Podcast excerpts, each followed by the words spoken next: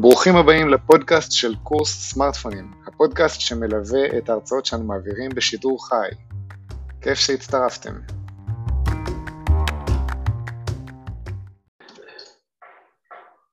יופי, טוב, אז שלום לכולם, כיף לראות אתכם. אה, אנחנו נפגשים לעוד שיעור על הנושא של אה, שימושי סמארטפון. אה, שיעור שעבר דיברנו על משהו שהוא לכאורה טריוויאלי, השעון המעורר של הטלפון, ועברנו על כמה וכמה תכונות, על טיימר, על אה, שעון עצר, אה, דיברנו על שעון עולמי ועל עוד כל מיני דברים, מי שרוצה יכול לצפות בהקלטה של השיעור הקודם. אז השיעור היום, אנחנו נחלק אותו עוד פעם לשני חלקים. החלק הראשון, אנחנו נדגים שתי אפליקציות של שעונים מעוררים שמוסיפים יכולות לשעון הרגיל. יכול להיות שזה יעניין אתכם, שווה להכיר. אה, בחלק השני, אה, משהו ששואלים אותנו שוב ושוב, הנושא של קוד QR, של סריקת קודים אה, בעזרת הטלפון, אז שואלים אותנו מה, מה, איך לעשות את זה ואנחנו רוצים להדגים ויש גם כתבה שאם אני לא טועה גידי אתה שלחת לנו על זה שעלולים לעשות הונאות בעזרת קודי QR אז אנחנו רוצים להסביר מה הסכנות שעלולות להיות בזה אה, וגם נעשה הדגמה, אה, גבי יראה איך אה, הקודים האלה מתחברים למוביט, נדגים, ניתן לכם אפשרות, אולי מי שמחובר מהמחשב ניתן לו אפשרות גם לנסות לסרוק את הקוד שלנו. אז זה התוכנית של השיעור, בואו נתחיל. אז, אז נתחיל בשתי אפליקציות של שעונים מעוררים, אני רק אשתף את המצגת. שנייה אחת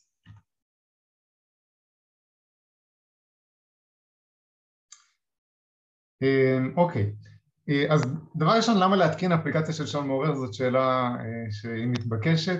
אה, השעון המעורר שבא עם הטלפון הוא מצוין והוא מספיק לרוב השימושים. הסיבה להתקין שעון מעורר זה אם אנחנו רוצים יכולות נוספות.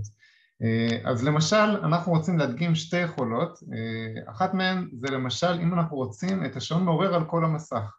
זאת אומרת, שיהיה לנו שעון שאפשר לשים אותו אפילו מרחוק, שהוא מוצג ככה על כל המסך, אז יש אפליקציה שנקראת Alarm Clock for Me, אפשר להתקין אותה, היא חינמית, אבל יש בה פרסומות, ויש עוד אפליקציות כאלה, יש אותה גם לאייפון, גם לאנדרואיד, והרעיון של האפליקציה הזה, הזאת היא שבעצם השעון תופס את כל גודל המסך, וזה מאוד נוח כשרוצים לראות מרחוק. אפשר גם לראות את המזג אוויר על השעון, אפשר לראות מה היום, מה, מה התאריך ועוד כל מיני דברים. אה, אז אני גם, אני תכף, אני אדגים אותה עכשיו ואני אסביר גם איך, איך משיגים אותה למי שרוצה ואחרי זה נציג גם את האפליקציה השנייה. אה, אז איך, איך, איך, דבר ראשון, איך אנחנו משיגים את האפליקציות של השעונים המעורבים? אז כמו כל אפליקציה אחרת אנחנו נכנסים לחנות של האפליקציות. אצ, אצלי זה אנדרואיד אז אני הולך לגוגל פליי, לגוגל פליי מי שיש לו אייפון נכנס ל app store ורושמים אה, את, ה, את השם של האפליקציה של החלון, של, ה, של השעון המעורר, אז במקרה הזה אני, אני ארשום alarm ובואו נראה מה, מה יעלה, alarm זה שעון, זה שעון מעורר ב, באנגלית, אה, אז יש פה כל מיני שעונים מעוררים, אה, הנה, אז יש את שעון מעורר בשבילי שזה השעון שאני מדבר עליו, אז עוד תרשמו בעברית שעון מעורר בשבילי או אלארם קלוק פור מי אצלי זה כבר מותקן אז אין לי אפשרות לעשות התקנה אבל אצלכם אם זה לא מותקן אה, אחרי שתחפשו ותפתחו יופיע לכם פה בכפתור הירוק התקנה. אה, באייפון אז יש את הגט או את החץ למטה תלוי בגרסה שלכם. אוקיי אז אחרי שאנחנו מתקינים פותחים והשעון הזה נראה ככה יש לו איזשהו מסך אה, רענון יש פה פרסומת אין מה לעשות אם אנחנו רוצים להוריד את הפרסומות צריך לשלם אחרי כמה שניות יש לנו X למעלה, אנחנו יכולים להוריד את הפרסומת. אמ, אז רק רגע, אני פותח את זה שוב, אוקיי. אחרי שאנחנו אה, נפטרים מהפרסומת, יש לנו פה את השעון שהוא תופס לנו את כל רוחב המסך. אה, שימו לב שאם אנחנו נסובב את השעון אה, על הצד, השעון יהיה עוד יותר גדול. למטה, כמו שאתם רואים, יש פה פרסומת, אם אני, אם אני לא משלם אז היא עדיין תישאר.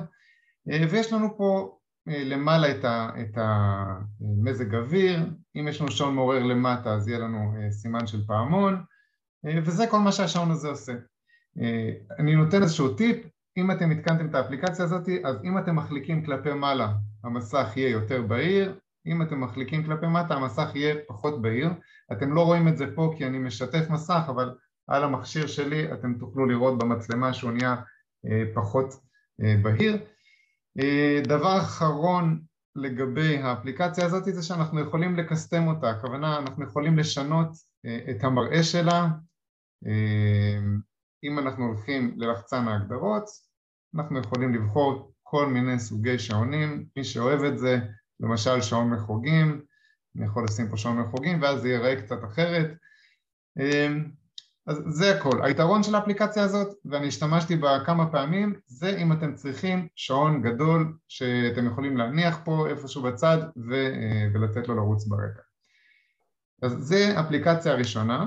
שאלו רק אה, בקבוצה אם זה, אם זה נכבה, זאת אומרת אם אה, צריך, אה, אם המסך... אז, אז יש פה שתי שאלות מעניינות, האמת היא שאלה ראשונה, אני, אני חושב שזה לא נכבה ואפשר להגדיר אם רוצים שזה יכבה אחרי כמה זמן, יש, פה, יש שם סליפ, סליפ טיימר או משהו כאלה, כזה, אבל המטרה היא שזה יישאר קבוע. הבעיה עם דברים שנשארים קבועים זה אחד הסוללה, ופה כדאי שזה יהיה מחובר למטען, ושתיים, יש, במסכים ישנים הייתה בעיה של צריבת הפיקסלים על המסך. אני חושב שהיום זה כבר כמעט ולא קיים, זה גם היה קיים במסכים ישנים יותר מסוג OLED, היום המסכים הם יודעים לרענן, יש להם כל מיני פיצ'רים אה, בתוך המסכים שמונעים את הצריבה של התמונה על המסך, אז זאת אפליקציה די בטוחה להשתמש בה. אה, מבחינת הסוללה יכול להיות שעדיף שזה יהיה מחובר. אה, אוקיי, עוד שאלות שהיו? אוקיי. בואו בוא נמשיך לאפליקציה, לאפליקציה הבאה.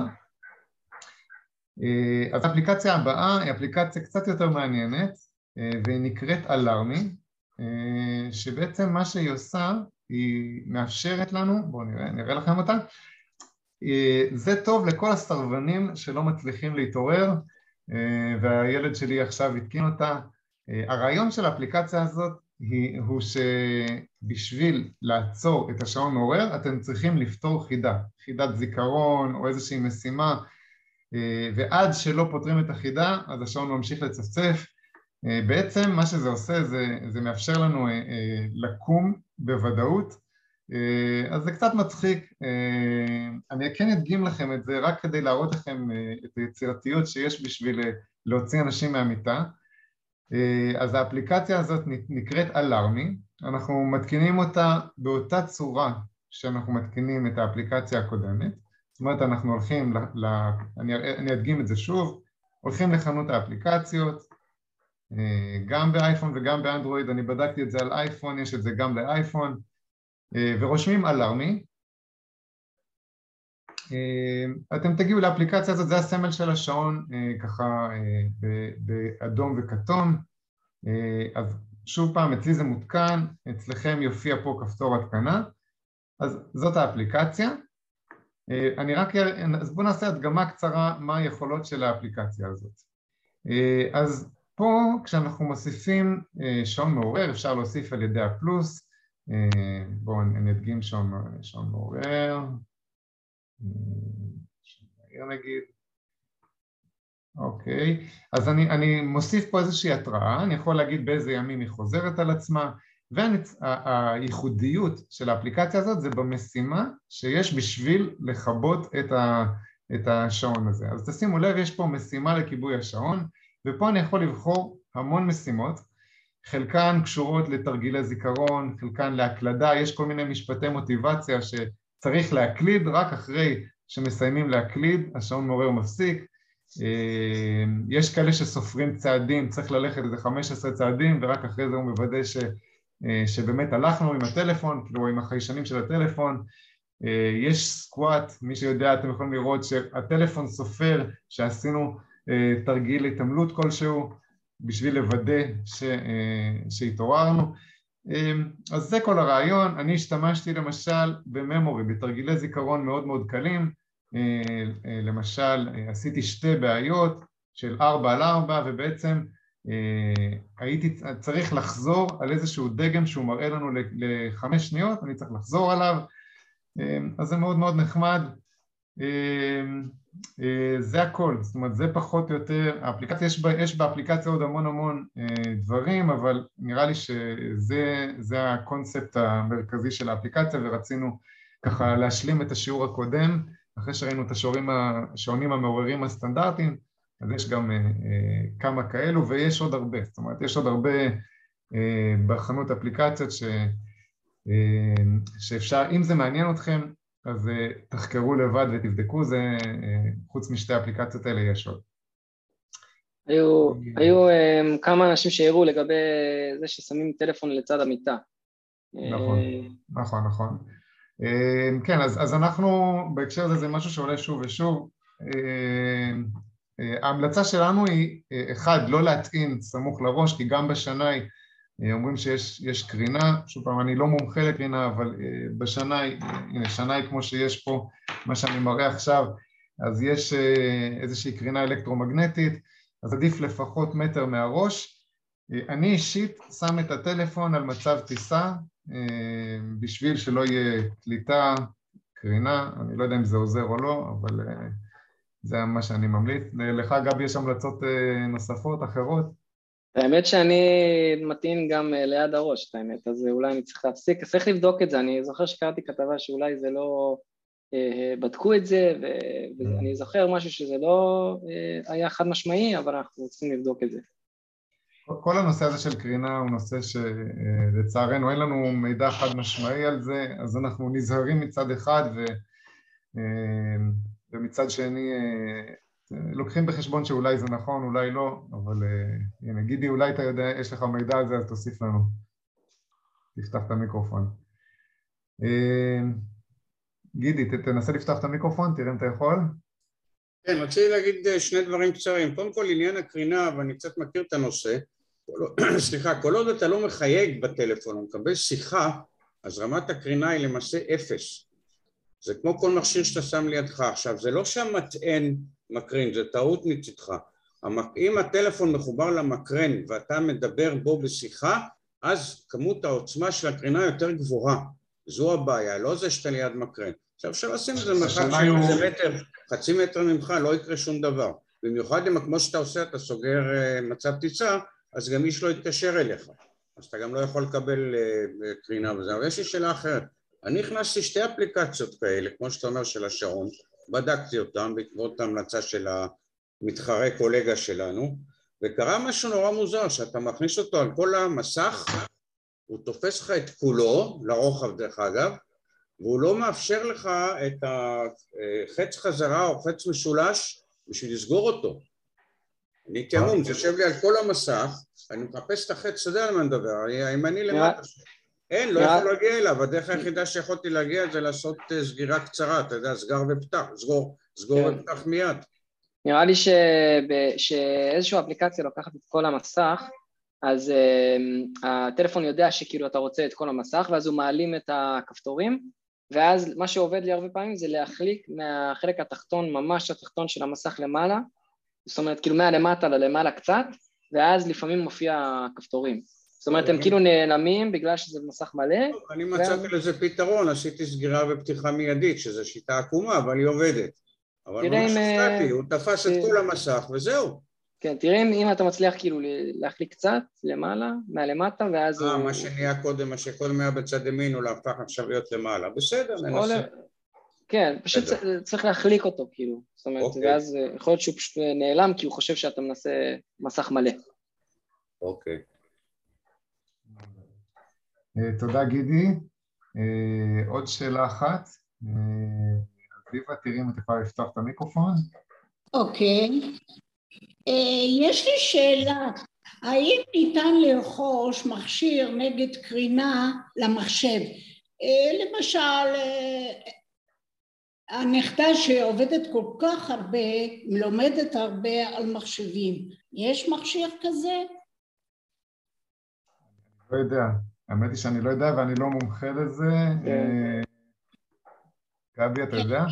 אני גדלתי, אימא שלי ממש פחדה מזה וגדלתי, היא שמה לנו בחדר איזשהו סטיקר ענק שכנראה היה נגד קרינה, איך שאני מכיר את אימא שלי, יש מצב שעבדו עליה איזה מישהו ואמר לה שזה מונע קרינה, אבל אה, בדיוק עלינו לארץ. משהו מעניין? משהו... לא, לא יודע, צריך לבדוק את העניין, אני לא יודע אם זה נכון, אבל בדיוק עלינו לארץ, בטח מישהו בא אליה, אמרו, כן, כן, זה הביא לה סטיקר של רמי לוי או משהו.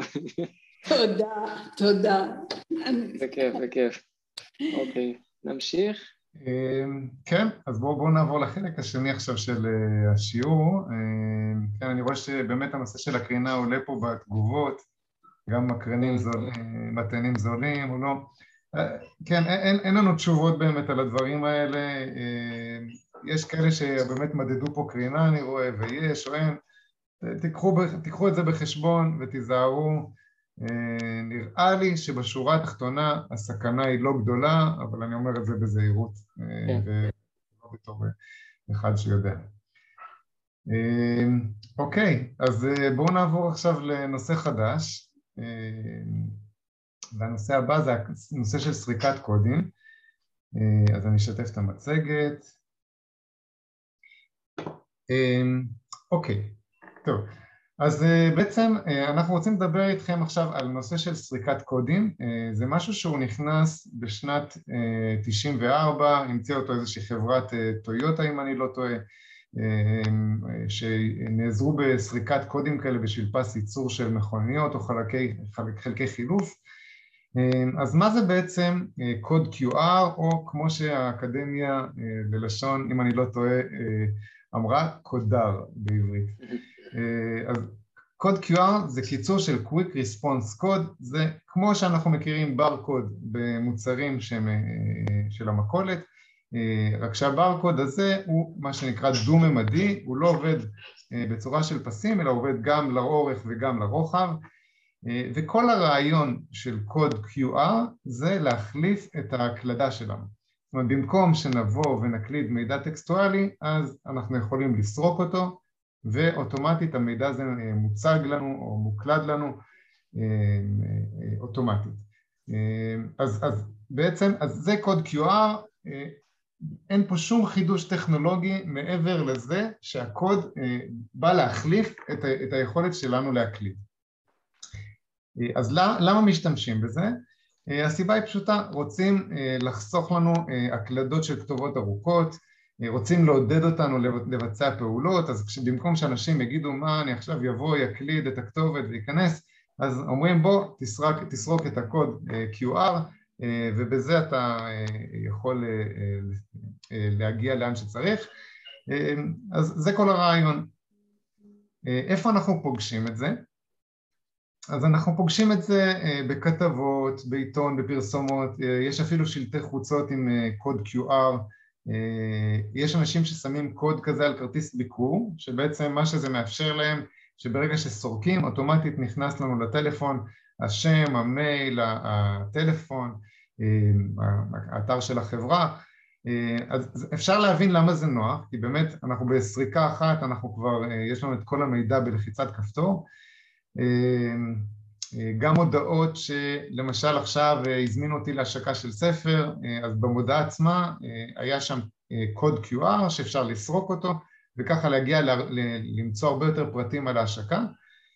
אחרת מה שהייתי צריך לעשות זה להקליד את הכתובת של אותו אתר אינטרנט, אז זה פשוט חסך לי. גם התקנת אפליקציות הרבה פעמים, אם אנשים רוצים להגיד לכם להתקין אפליקציות אז הרבה פעמים אפשר לראות שעושים את זה עם קוד QR שוב פעם זה נמצא בכל מקום, בתור לרופא, אמ, במסעדות זה נמצא, זה פשוט, כמו שאמרנו, אה, חוסך את, ה, את ההקלדה. היום יש, יש גם בארנונה, אה, עכשיו אה, בדיוק קיבלנו את הארנונה, ובמקום להקליד את המספר צרכן שלך ואת מה שקיבלת באמת, אתה פשוט סורק את זה בטלפון, ישר זה פותח לך את האתר העירייה עם אופציה לשלם, זאת אומרת אני נגיד שילמתי את, ה, את התשלום לארנונה תוך שתי דקות, לא הייתי צריך כלום, הייתי צריך לשים אשראי ונגמר אה, העניין. בדיוק, כי הכתובת עצמה מכילה כנראה גם את הפרטים שלך. זאת נכון. אומרת, כשאתה סורק זה מגיע ישר למשהו שקשור אליך. כן. כן, אז אנחנו, בואו נמשיך. יש לנו, יש פה שאלה בצ'אט, איך אפשר לייצר קוד QR, וזאת שאלה טובה, ולמרות שזה טכני קצת, אני כן רוצה להדגים את זה. לפני שאנחנו נדגים איך אנחנו סורקים קוד QR, אז בואו נשאל את זה, קובי, קובי אתה שאלת איך אנחנו מייצרים קוד QR, אז אנחנו נדגים את זה גם במיוחד בשביל להראות מה זה קוד QR, זה גם קצת יסביר. אז אני בגוגל רושם מחולל קוד QR או Generator QR קוד באנגלית, זה גם, גם בעברית אני מאמין שאתם תגיעו, ואני הולך פה לאחד מהכישורים הראשונים ואני מקבל אתר שבו אני יכול להזין כל כתובת, למשל אני רושם ynet.co.il ואתם יכולים לראות שתוך כדי שאני מקליד הציור של הברקוד, של הקוד מצד ימין הוא משתנה.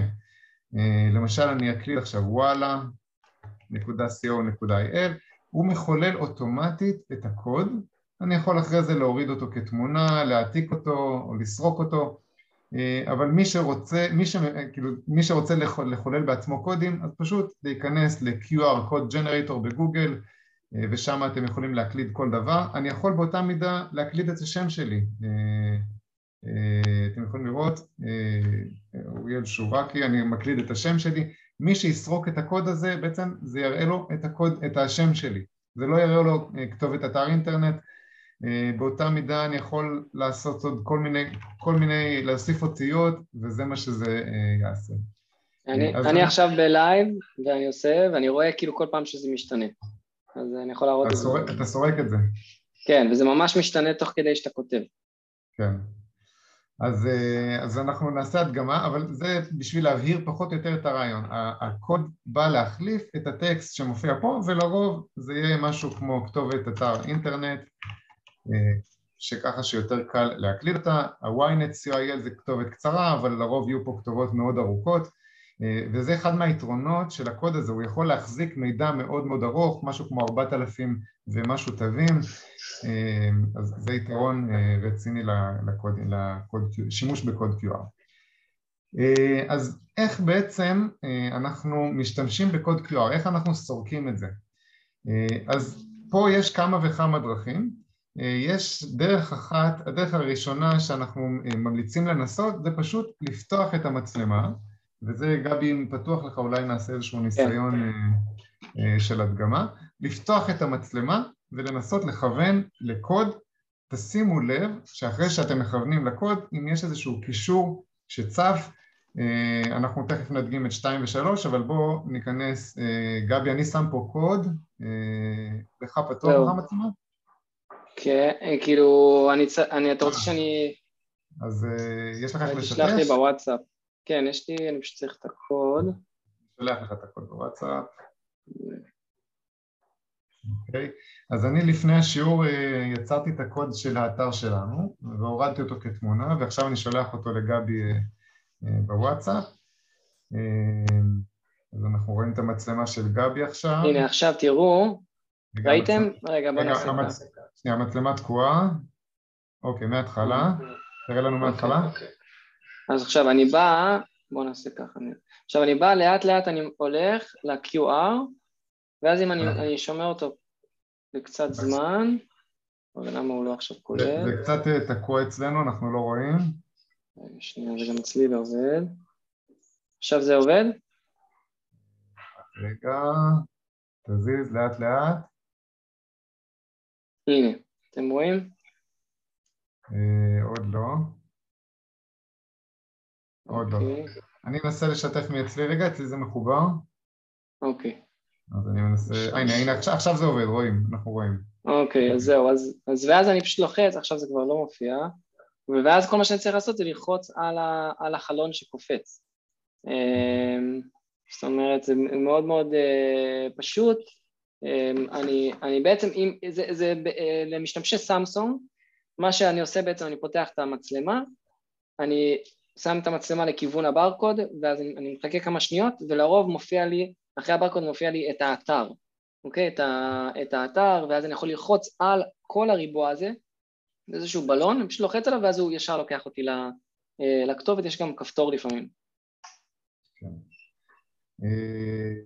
כן, תודה גבי. אז, אז אצלי למשל במצלמה זה לא עובד, אני יכול להראות לכם, אני אפתח את המצלמה רגע, בואו נראה אם אתם תראו שכשאני מכוון לקוד QR אז אצלי למשל לא צף אה, קישור, אה, אז אני השתמשתי בדרך אחרת, אה, יש פה, אה, אה, יש, מה, מה שגבי הראה, אז בעצם פשוט מכוונים את המצלמה, לפחות במכשירי סמסונג אה, ובמכשירי אייפון, גם במכשירי אייפון אפשר להדגים, אה, אה, פשוט לכוון את המצלמה ואתם תראו שיופיע פה איזשהו קוד, איזשהו קישור.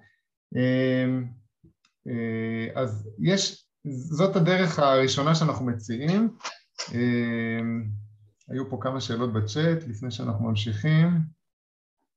אנשים רוצים לדעת בעיקר איך לייצר קוד QR, אנחנו נראה לי נחזור על זה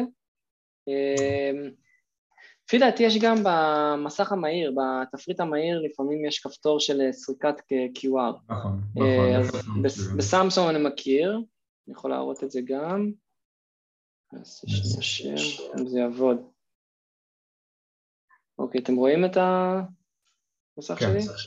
כן. אז אם אני מחליק פעמיים, אה, מהלמעלה ללמטה, ואז אני מחליק פעם אחת ימינה, יש לי פה סרוק קוד QR.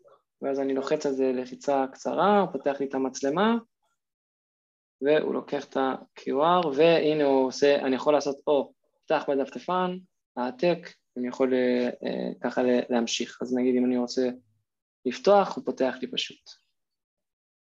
זהו, זה האתר שלנו. אה, אני אדגים את זה אולי במכשיר אייפון, זה אותו רעיון בדיוק. גם, אה, באייפון אנחנו פותחים את המצלמה ופשוט סורקים, בואו נראה אם אני יכול להדגים את זה. אה, אז אני פותח את המצלמה. ואני הולך אה, לקוד QR ואתם רואים שיש פה קצת משהו כתום שמזהה פה את הקוד. לוקח לי זמן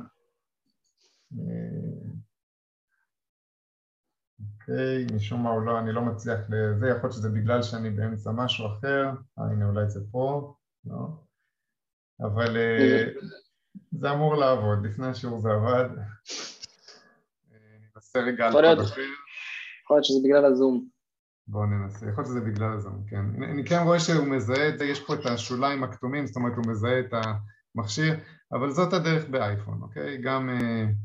גם מי, ש... מי שיש לו אייפון פשוט לפתוח את המצלמה ולנסות משם. אה, אנחנו נדגים עוד מעט, עוד שוב פעם, איך יוצרים את הקוד QR, אנחנו רק רוצים לדבר על עוד שתי דרכים למי שלא מצליח לסרוק את זה בעזרת המצלמה, אז יש עוד שתי אפשרויות שאנחנו יכולים להציע. אה, אז דרך נוספת, מה שרשום פה בשקף בשק... אה, במספר 2 זה להתקין פשוט אפליקציה שסורקת קוד QR וזה בדיוק מה ש... מה שנגיד אצלי למשל, אני לא יכול לעשות את זה דרך המצלמה, אז אני התקנתי אפליקציה שזה מה שהיא עושה. אה, ודרך שלישית, אני, אני אדגים את זה עוד מעט, דרך שלישית זה לפתוח את גוגל, ובגוגל לפעמים יש לנו בצד ציור של מצלמה, זה מה שנקרא גוגל לנס, אז גם דרך גוגל לנס אנחנו יכולים לסרוק קוד QR. אז אני אדגים את דרך 2 ודרך 3, מה שמופיע פה אני אדגים את זה שנייה דרך המכשיר שלי ואחרי זה אה, נראה שוב פעם איך אנחנו יוצרים קוד QR. אוקיי, אז בעצם רואים פה את המכשיר שלי, אני הלכתי עכשיו לחנות האפליקציות ורשמתי בחיפוש אה, QR, QR, QR, אני רושם QR והוא מציע לי עכשיו המון המון אפליקציות ש, אה, של סריקת קוד QR. אתם יכולים לראות, יש פה באמת המון. אני בחרתי את אחת מהראשונות, לא בחרתי את הראשונה בגלל שהיא פרסומת, אני משתדל לא, לא, לא ללכת על דברים שהם מפרסמים, אלא יותר על דברים שיש להם אה, מוניטין טוב. אה, אתם יכולים לראות שפה הראשון יש לו 100 מיליון התקנות, השני יש לו גם 100 מיליון התקנות. אני הלכתי דווקא על, על האפליקציה, אני חושב, השליש, הרביעית או החמישית, פשוט כי שם יש ציון יותר גבוה, אתם יכולים לראות שהסורק אה, QR פה יש לו ציון של חמש מתוך חמש, מה שלאחרים אין, ואפשר להתקין את זה. אוקיי, אחרי שאנחנו מתקינים אנחנו נוכל, נוכל לפתוח ואנחנו נתבקש לתת הרשאה למצלמה. בגלל שהכל נעשה דרך המצלמה, אני נותן הרשאה וזהו, עכשיו אני מחפש את הקוד QR ואוטומטית אתם יכולים לראות, לקח לו ממש אלפית שנייה, הוא זיהה את הקוד והוא אה, מפנה אותי לאתר, אני יכול עכשיו למעלה ללחוץ על כתובת האתר, אני יכול לשתף, להעתיק, אני, אני אחזור על התהליך, אה, אז הורדתי אפליקציה כלשהי, גם באייפון, גם ב app store, פשוט לרשום QR וללכת לקחת את האפליקציה שיש לה דירוג טוב והרבה משתמשים אה, ופשוט לכוון, אחרי זה המצלמה נפתחת, לכוון את, את המצלמה לקוד ו, וזה הכל. זאת אומרת, ברגע שסיימנו, ממש תוך שנייה הוא יזהה את זה ויציע לנו את, ה, את הכתובת שאליו הקוד אה, מפנה. אז זאת הדרך השנייה. הדרך השנייה, להיכנס לחנות האפליקציות, להתקין אפליקציה של סריקת קוד QR וזה הכל. הדרך השלישית, והיא, וזאת דרך שהיא אה, מעניינת לא פחות, זה דרך גוגל. אה, שימו לב, אני אנסה להראות לכם, לי יש אה, את גוגל פה ה, בחלק התחתון, ומופיע לי בצד מצלמה, שזה הקיצור דרך לאחד הפיצ'רים של גוגל שנקרא גוגל לנס או עדשה של גוגל, והעדשה, הגוגל לנס הזה בעצם מאפשר לנו אה, לסרוק גם קודי QR. בדיוק כמו שעשינו קודם, אני פשוט צריך ללחוץ על המצלמה, יכול להיות שאין לכם את זה. אם אין לכם את זה, אז גם אפשר להתקין בנפרד גוגל לנס, אבל... אפשר גם... לא, פשוט... אפשר כן. דרך האפליקציה של G, של גוגל. של גוגל, בואו נפתח, הנה, אז בואו נעשה את מה שגבי אומר, גבי אומר בואו תיכנסו לאפליקציה של גוגל, זה, זה ה-G, הנה, זה, זה האפליקציה הזאת, בואו נפתח אותה, אז באמת, כמו שגבי אומר, הנה גם פה אפשר לראות את המצלמה הזאת, אתם יכולים לראות אותה, אז בואו נלחץ עליה, ועכשיו האפליקציה הזאת היא, אה, אנחנו, אפשר לדבר עליה הרבה בהרחבה כי היא עושה המון המון דברים, אפשר לצלם בה למשל דגם של אוטו, הוא יגיד לנו איזה דגם זה, אפשר אה, לצלם פרח והוא יזהה איזה פרח זה, אה, אבל הוא גם עושה את הסריקת קודים, וזה מה שנעשה. עכשיו, אני פשוט הולך לפה, הנה אתם יכולים לראות, הוא מזהה, הוא רושם לי את הכתובת של הברקוד על, על הברקוד עצמו, כל מה שאני צריך לעשות זה לבוא וללחוץ עם האצבע אה, על הקישור והוא מעביר אותי לאתר שאנחנו רוצים. אה, אז זה בעצם שלוש, שלוש, שלוש דרכים, דרך אחת, שלוש דרכים, לסרוק קודי QR, אמרנו דרך ראשונה דרך המצלמה, אה, דרך התקנה של אפליקציות לסריקת קודי QR ולמי שלא מצליח לעשות את זה במצלמה ודרך שלישית דרך אה, גוגל לנס. אה, האפליקציות, גידי אתה שאלת למה להוריד אפליקציה, רק אם זה לא, לא עובד לך, אצלי במצלמה למשל אין לי דרך לסרוק דרך המצלמה את הקוד QR אז אני התקנתי אפליקציה חיצונית. עכשיו אנחנו נראה, אה, אני רוצה שנייה, לפני שאנחנו נעשה, נענה פה על, על כל השאלות, אני רוצה לדבר על הסכנות שיש בנושא של אה, סריקת קוד QR. עכשיו, הסכנות בעצם, אה, זה, הנה, זה הכתבה, אם אני לא טועה, שגידי שלח לנו, שמנו פה איזשהו צילום מסך, וזה בעצם כלי שעכשיו הוא מסוכן, כי בעצם אנחנו סורקים קוד ואנחנו לא יודעים לאן אנחנו מגיעים. אה, בעצם אנחנו, אם עכשיו יש איזשהו אתר שרוצה לגנוב מאיתנו פרטים אה, ואנחנו בטעות סרקנו את הקוד והובלנו אליו על ידי הקוד QR, אם אנחנו לא אה, חושדים באתר הזה אז אנחנו עלולים ליפול במלכודת. דוגמה אחת למשהו שאני שמעתי שאנשים עשו את זה, אני לא יודע עד כמה זה, זה באמת קרה, אבל סיפרו לי שהלכו למסעדות ששם יש במסעדות יש תפריטים ויש שם אה, קוד QR לסרוק, לראות את המנה או משהו כזה. אז אנשים באו, נוכלים באו והצמידו מדבקה על הקוד QR ושמו קוד QR משלהם שהפנה לאתר שהוא דומה לאתר של המסעדה ושם הם ביקשו כרטיס אשראי וכל זה. אה, אז בפוטנצ... בפוטנציה זה תרחיש שהוא אפשרי כן? יכול להיות שנוכלים יבואו, יבנו אתר דומה לאתר של המסעדה, ידפיסו מדבקות קוד QR וידביקו על התפריטים. להגיד לכם שזה קורה בפועל, אני חושב שזה נדיר, אבל, אבל בואו נגיד מבחינה טכנית זה אפשרי. עכשיו הנוכלות או ההונאות בהקשר של הקודים האלה יכולים לבוא דווקא במקומות פחות מתוחכמים ממסעדות, כן? זה יכול להיות איזשהו פלייר שמישהו חילק ברחוב עם קוד QR ואנחנו לא יודעים בדיוק לאן הקוד הזה ייקח אותנו. אז, אז ההמלצה שלנו בכל מה שקשור לנושא של סריקת קודי QR זה לוודא מאיפה אנחנו יוצאים ולאן אנחנו מגיעים. זאת אומרת אם אנחנו באתר של ביטוח לאומי ואנחנו בטוחים שזה אתר של ביטוח לאומי אז כנראה שהקוד QR שנמצא באתר ביטוח לאומי הוא בסדר אבל אז, אז זאת השאלה הראשונה שאנחנו נשאל האם הקוד נמצא באתר או במקום שאנחנו סומכים עליו?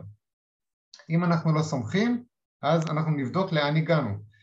וכאן צריך לפעמים איזושהי מיומנות לדעת איפה אנחנו נוחתים. יכול להיות שאנחנו נוחתים במקום שהוא דומה מאוד למקור וזה כן איזושהי עונה. אז, אז לשים לב, אם, אם יש לכם את הידע הטכני לוודא שנחתתם במקום הנכון, מצוין, אתם יכולים להיות רגועים אם לא אפשר לשאול, אפשר לנסות להסתכל על שורת הכתובת למעלה אבל להיזהר, לא לסרוק מהר כל קוד שרואים לבדוק מאיפה יוצאים ולבדוק לאן אנחנו מגיעים. יש פה כתבה שאנחנו נשלח לכם בסיכום שפחות או יותר מסבירה על הנושא הזה אבל זו נקודה שחשוב להיזהר, להיזהר ממנו. אז נעשה איזושהי הדגמה, שתי הדגמות יותר נכון, ואחר כך אנחנו נחזור על איך אנחנו, איך אנחנו מייצרים קוד QR. גבי, אתה יכול להדגים על מוביט? כן. אז במוביט עשו משהו מאוד מגניב שאני גם יכול לייצר אה, כשצריך קוד, וגם אה, שאני... רגע, שנייה, אני אנסה... אתם רואים את המסך? כן, כן, אנחנו רואים. אוקיי, אז, אז בעצם במוביט עשו משהו מגניב שגם אני יכול לייצר קוד QR שצריך וגם אה, שבעצם אני יכול אה, לסרוק. אז בתוך מוביט אמ, יש לי, אה, אם אתם תסתכלו ממש באמצע כתוב שלם על נסיעה חדשה. המסך לא נפתח לנו. רגע, אני חושב שיש לי איזושהי בעיה פה. רגע, שנייה. מקסימום תראה את הטלפון אה, ככה על המסך, אנחנו... כן, רק שנייה אני אעשה... אוקיי, עכשיו אתם רואים? כן, אנחנו רואים. אוקיי, אז בעצם יש לי כאן, יש לי פה שלם הנסיעה החדשה, אז זה ה... כאן בעצם אני, אני יכול אה, אה, לעשות אה, תשלום ל, לנסיעה. עכשיו, למה זה, קודם כל אני אסביר למה זה באמת אה, מעולה במוביט. מוביט יש להם אה, משהו שבעצם אתה יכול לשלם על, על נסיעות, ובסוף היום הם מחשבים, וגם סוף החודש הם מחשבים לפי הנסיעות שלך אה, מה היה הכי זול. זאת אומרת, יש, יש כל מיני הנחות, יש מכסה יומי, יש, אה, יש כל מיני דילים, אה, אז הוא בעצם, לא, אתה, לא, אתה אף פעם לא תשלם יותר מדי, לעומת אם היית עושה ברב-קו, אז, אה, אז יכול להיות שהיית משלם יותר ממה שהיית יכול, כי יש, יש הלוך חזורים וכולי. אז איך משלמים? בעצם אני עושה פה שלם הנסיעה חדשה, אני עושה התחל, ואז יש לי פה איזה סוג תחבורה אני נוסע. עכשיו, בכל תחבורה שהוא לא הרכבת, רכבת ישראל, אני בעצם סורק ברקוד. בנסיעה ברכבת, אז אני מייצר ברקוד. אז עכשיו איך זה עובד? נגיד אני עכשיו ב... אני עכשיו באוטובוס, לרוב ליד איפה שיש את הרב-קו, איפה שמצמידים את הרב-קו יש ברקוד.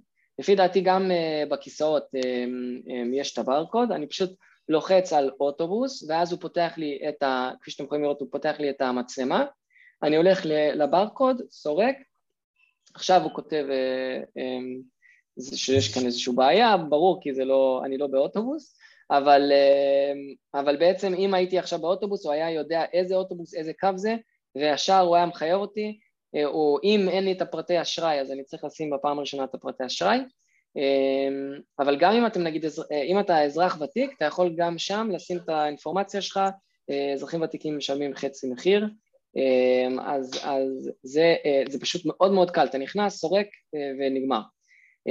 בשביל רכבת, שזה גם ממש מהיר, צריך להיות דווקא באזור של הרכבת, זאת אומרת, אתה חייב להיות בתחנה, עכשיו זה לא יעבוד לי, אבל בגדול אתה לוחץ על התחל, ואז לוחצים על הרכבת, עכשיו זה לא יעבוד לי כי אני, אני לא קרוב מספיק, אבל הוא ישאל אותי האם אתה רוצה אה, לעשות אה, בעצם כרטיס, האם אתה רוצה לתקף כרטיס, אני אומר לו כן, ואז הוא בעצם מייצר לי ברקוד, אני בא לרכבת, פשוט לוקח את הטלפון שלי עם הברקוד במסך, שם את המסך כלפי איפה ששמים לרוב את הרב-קו, והופ, הוא מכניס אותי. ביציאה מהרכבת, אתם מכירים את זה שצריך גם לשים את הרב-קו, אז גם אז אני, אני לוחץ על אותו כפתורים, לוחץ על סיים נסיעה, הוא מייצר לי ברקוד חדש ליציאה, ככה הוא יודע גם איפה יצאתי, ו, אה, ואני, אני, איפה ששמים את הרב-קו אני סורק, ואז הוא מחייב אותי בסוף היום, אה, אני נגיד לדוגמה אם אני נוסע לירושלים ואז חזרה לתל אביב, אז בנסיעה מתל אביב, מתל אביב לירושלים אז הוא מחייב אותי ב... לא יודע, 12 שקל, ואז בחזור אני רואה שבעצם אה, בגלל שעשיתי שתי נסיעות באותו יום, הוא מוריד לי את ההנחה והוא עושה לי אה, רק על אה, נסיעה לא חזור. אז לבד הוא עשה לי את זה בעצם, לא הייתי צריך לבחור בכלום במוביט. הוא לבד חייב אותי בחיוב הנמוך יותר. זהו. תודה גבי. אז אנחנו בעצם, גבי עשה פה הדגמה של, של יישום של שימוש בקוד QR באפליקציה שנקראת מוביט, אה, ככה שבמקום לשלם אפשר לסרוק אה, ועל ידי זה אה, להעביר את התשלום. אוקיי, רות, היה לך איזושהי שאלה או משהו? צהריים טובים. כשאנחנו נוסעים ברכבת, אנחנו לוקחים, נגיד לתל אביב וחזרה, אנחנו בירושלים, אנחנו לוקחים ברכבת מה שאנחנו אזרחים ותיקים, ואנחנו לוקחים כרטיס יומי, שעולה לנו 16 שקל, ואיתו אפשר לנסוע בכל המרחב עד גוש דן, כמה שרוצים. השאלה אם אני שמה את המוביט, הוא יקלוט את הרעיון? שאלה טובה, אני בדקתי את זה ושלחתי להם גם מייל, ולא. אז עכשיו, אה, אה, במוביט אין לי את האופציה של החופשי יומי, אה, אבל הוא כן, הוא כן מחשב לי, יש איזשהו מקסימום שאפשר להגיע אליו. אני בדקתי את זה וראיתי שיש הפרש של, של שתי שקל, אבל בגדול, אם אתה נוסע עם מוביט ואתה אזרח ותיק, אז את תשלמי על, ה, על, ה, על המקסימום היומי חצי לפי דעתי, או על הנסיעה הבודדת חצי. זאת אומרת, אה, מוביט יודע שאתה אזרח ותיק, ועל, ועל זה הוא מתמחר. על החופשי יומי, כל מיני דברים של גוש דן וכל זה, אין לו את ה... אין לו את לא, לא. אז אה, אצלי ספציפית, אני גבי, מכיר ש... גבי, יש לך, סליחה, הוא הפנה אותי, אוריאל, יש לך פה טעות, אני במקרה מכיר את זה, נכנסתי לאפליקציה, שאלתי גם במוביט וגם ברב-קו. מוביט שמחייבת אותך לרב-קו, אתה משלם בסופו של דבר לרב קו, אתה משלם למוביט וזה עובר. לא, מוביט לא מחייב אותך ברב קו, הוא מחייב אותך באשראי. אתה מקיש על הכניסה לאוטובוס, אתה לוקח את הרב, את ה-QR, שעל פי זה אתה מתחייב. עכשיו, מה הם עושים? לא, לא, לא. מחולון לתל אביב, כאזרח ותיק זה שלושה שקלים, לא משנה, נניח שישה, מחיר מלא, אני חוזר זה עוד שישה. עכשיו, אם הייתי עושה יומי, חודשי, יומי חופשי, הייתי משלם תשעה. מה עושה מוביט? אומר רגע, נסעת פעמיים הלוך חזור, עברת חופשי יומי, אני מורידה לך לתשע. עכשיו מה שעושה עוד יותר מזה, אם נסעת כמה פעמים בחודש, והיא מזהה שאתה מתקרב לחודשי חופשי, כולל רכבת, אז היא מורידה לך את המחיר, וזה מוסכם בינה לבין רב-קו, והתשלום הסופי הוא לרב-קו, כי אתה מאיר על הברקוד של הרב-קו. אתה יורד פה לאוטובוס, יש לו על זה ברקוד גדול, וזה דרך, זה רק אם יש לך כרטיס רב-קו. אה, אני לא יודע, אני, גידי, אני לא יודע מה, אה, אני בדקתי את זה עם מוביט, אה, וכאילו זה שתי דברים שונים, מוביט מחייב בעצם חודשית את הכרטיס שלך, נכון. ובעצם אתה, אתה גם, קולט אותך כאזרח ותיק, נכון. ו- וזה תמחור קצת שונה מהרב-קו, כי רב-קו... בטח, כי הוא לטובתך, למה היא עושה את זה חודשית? כי אם אתה מתקרב למחיר של חופשי, חודשי ולא שמת לב, אז היא מצמצמת לך, זה העניין, בגלל זה עושה את זה פעם בחודש. אם אני נוסע נניח סתם לדוגמה, 15-16 פעם לתל אביב וחזרה מחולון, סתם באופן מקרי בחודש, נכנסתי לתחום של החופשי חודשי, ואז היא מורידה לי את המחיר, זה, זה היתרון שלה. כן. אם אני נוסע מפה לתל אביב חזרה, שילמתי 12 שקל, אם, אם, אם אני דרך מוביט, שילמתי 9. לא, עזוב רגע את האזרח ותיק שזה חצי. זה כן. הרעיון. כן, כן. אני חושב שהיה פה קצת, אה, התבלבלנו פה בין, בין הדברים, אבל אה, בסדר. מוביט, אתה אומר, גידי לוקח בחשבון את המחיר הנמוך ביותר, בסופו של לא, דבר. לא, לא, הוא לא לוקח את הנמוך, קודם כל הוא מזהה אותך מיד כאזרח ותיק, זה לא בעיה בכלל, כי אתה ברגע שאתה נותן שם שנת לידה או משהו, אז הוא מיד יודע. לא, הוא לא נותן לך את המחיר הזול ביותר. אם אני נוסע מחולון לתל אביב לאזרח רגיל זה שש ולי זה שלוש, בסדר.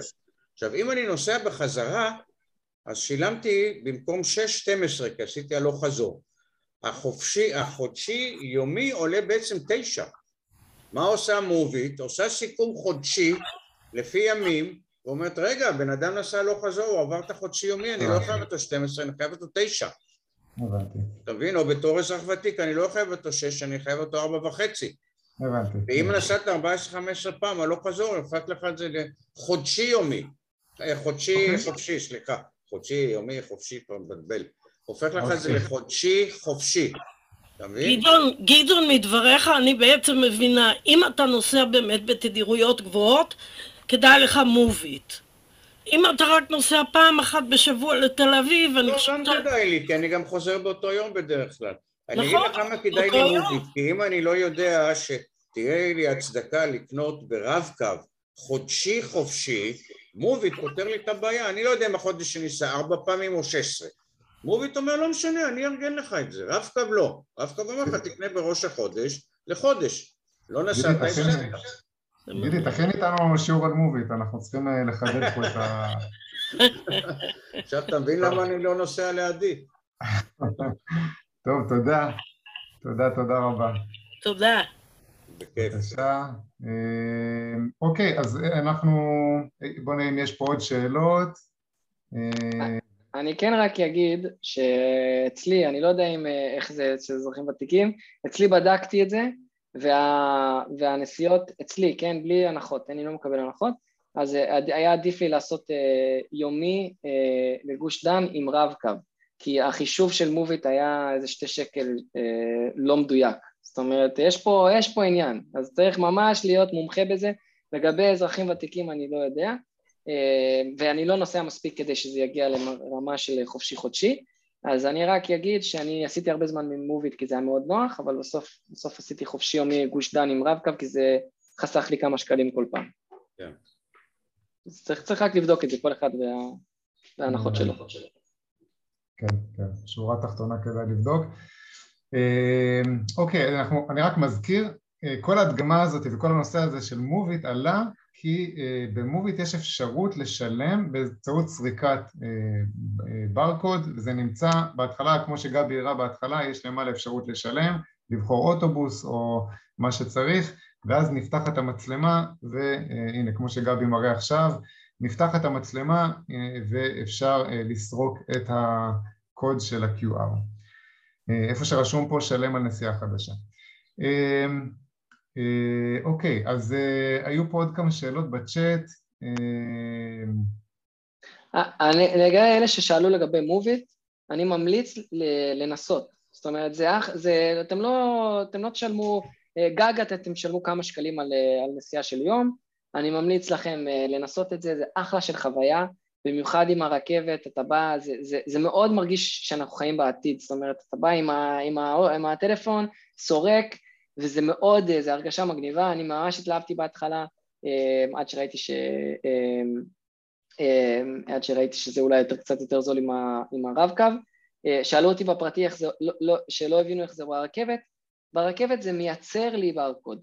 אני לא סורק ברקוד, זה מייצר לי, אני לוחץ, כשאני מגיע ברכבת זה עושה לי איזושהי תמונה של ברקוד כמו שהראינו להם, אתה פשוט לוקח את המצלמה עם הברקוד על המסך שבעצם יש לנו איזשהו ריבוע, ואתה uh, שם אותו על, ה, על המכשיר uh, שסורק, ואז זה פותח לך את השערים, כי הוא יודע שאתה, הוא כבר בדק את האשראי ויודע שזה, שאתה תשלם בסוף. יודע, יש פה שאלה על NFC, נילי, נילי שואלת האם זה קשור ל-NFC? לא. אז לא, אה, לפי דעתי, כאילו, עדיין לא, אה, אה, אני חשבתי בעבר שכן, אבל זה, זה, זה, אין פה, אין פה, אין פה עניין של, שזה במקום כרטיס, אין פה את העניין של NFC, זה פשוט, יש מצלמה למכשירים של הרכבת, והם סורקים לי את, ה, את המסך של הטלפון, והם סורקים לי בעצם את הברקוד. יש את זה גם בטיסות היום, היום לא צריך כבר אה, אה, כרטיס, כאילו, את ה... במקום שידפיסו לך את הכרטיס טיסה, אתה יכול לעשות check in, יש לך את ה boarding pass אה, במייל, אתה סורק אותו ונגמר העניין. מעולה, אוקיי.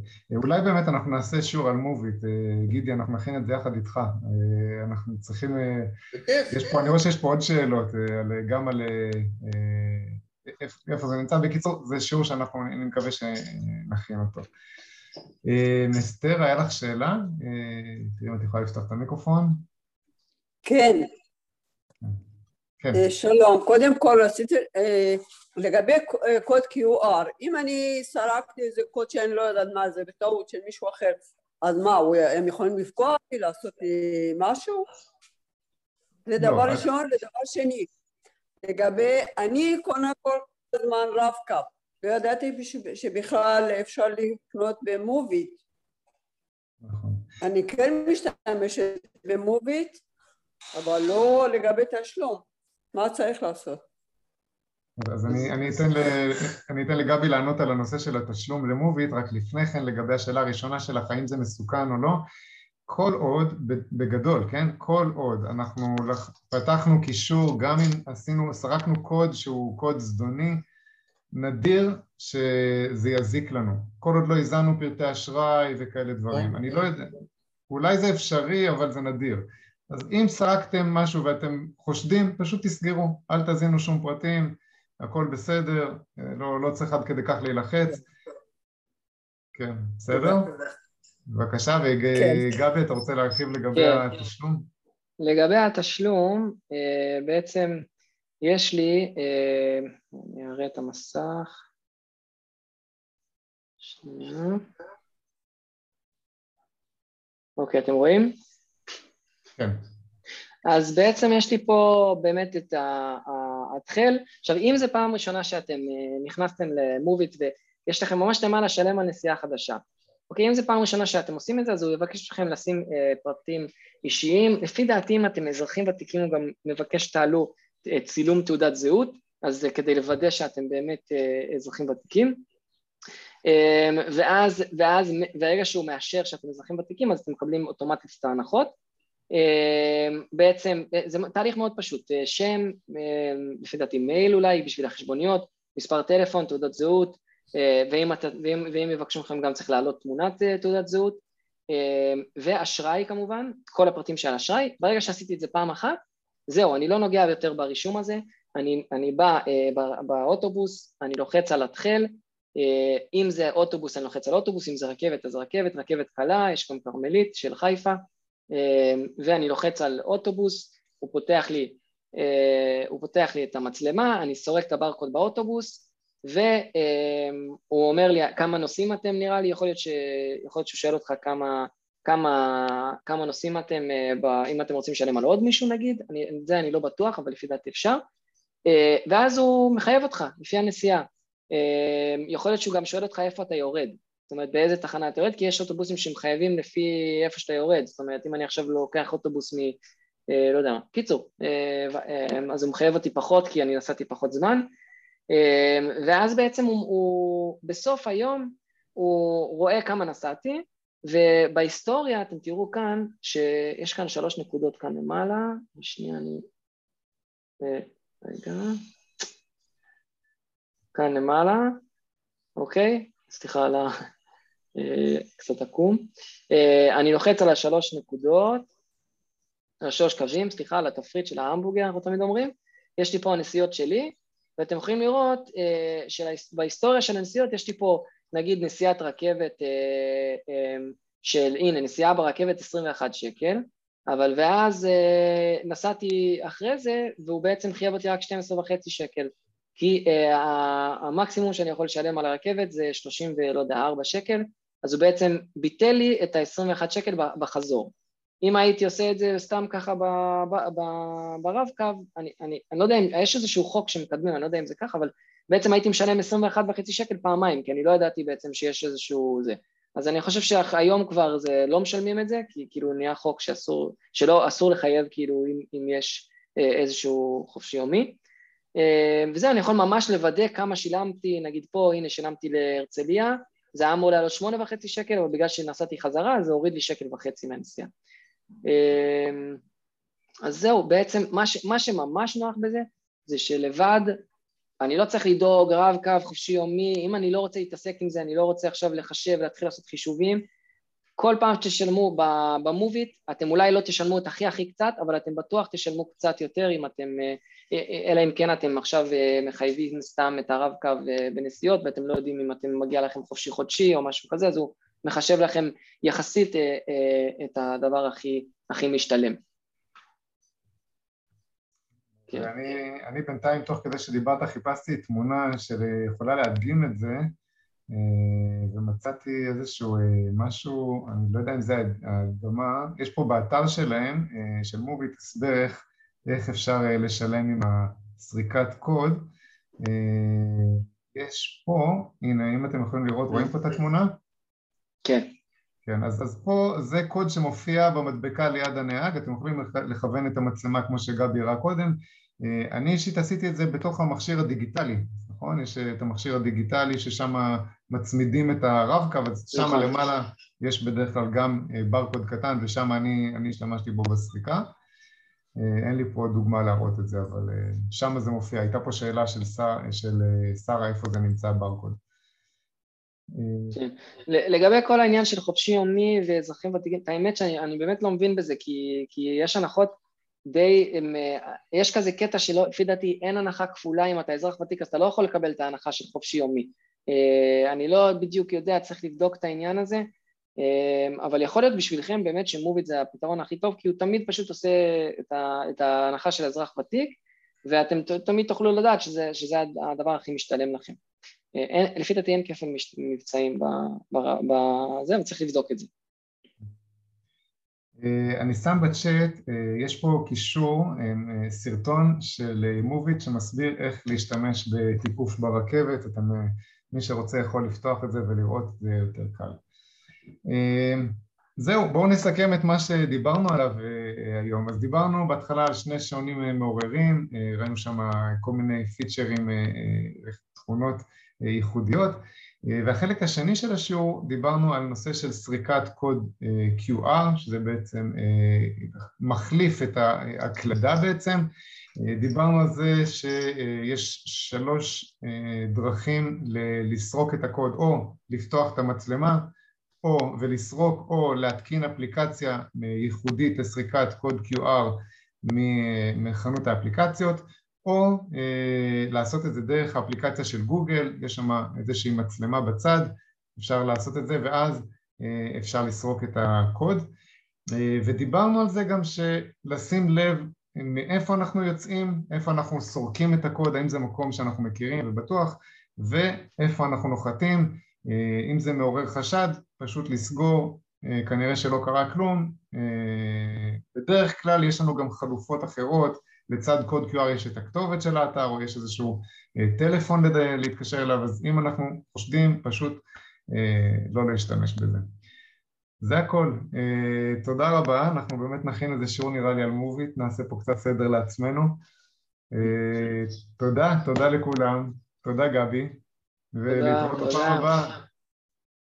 ביי ביי. ביי, להתראות. להתראות.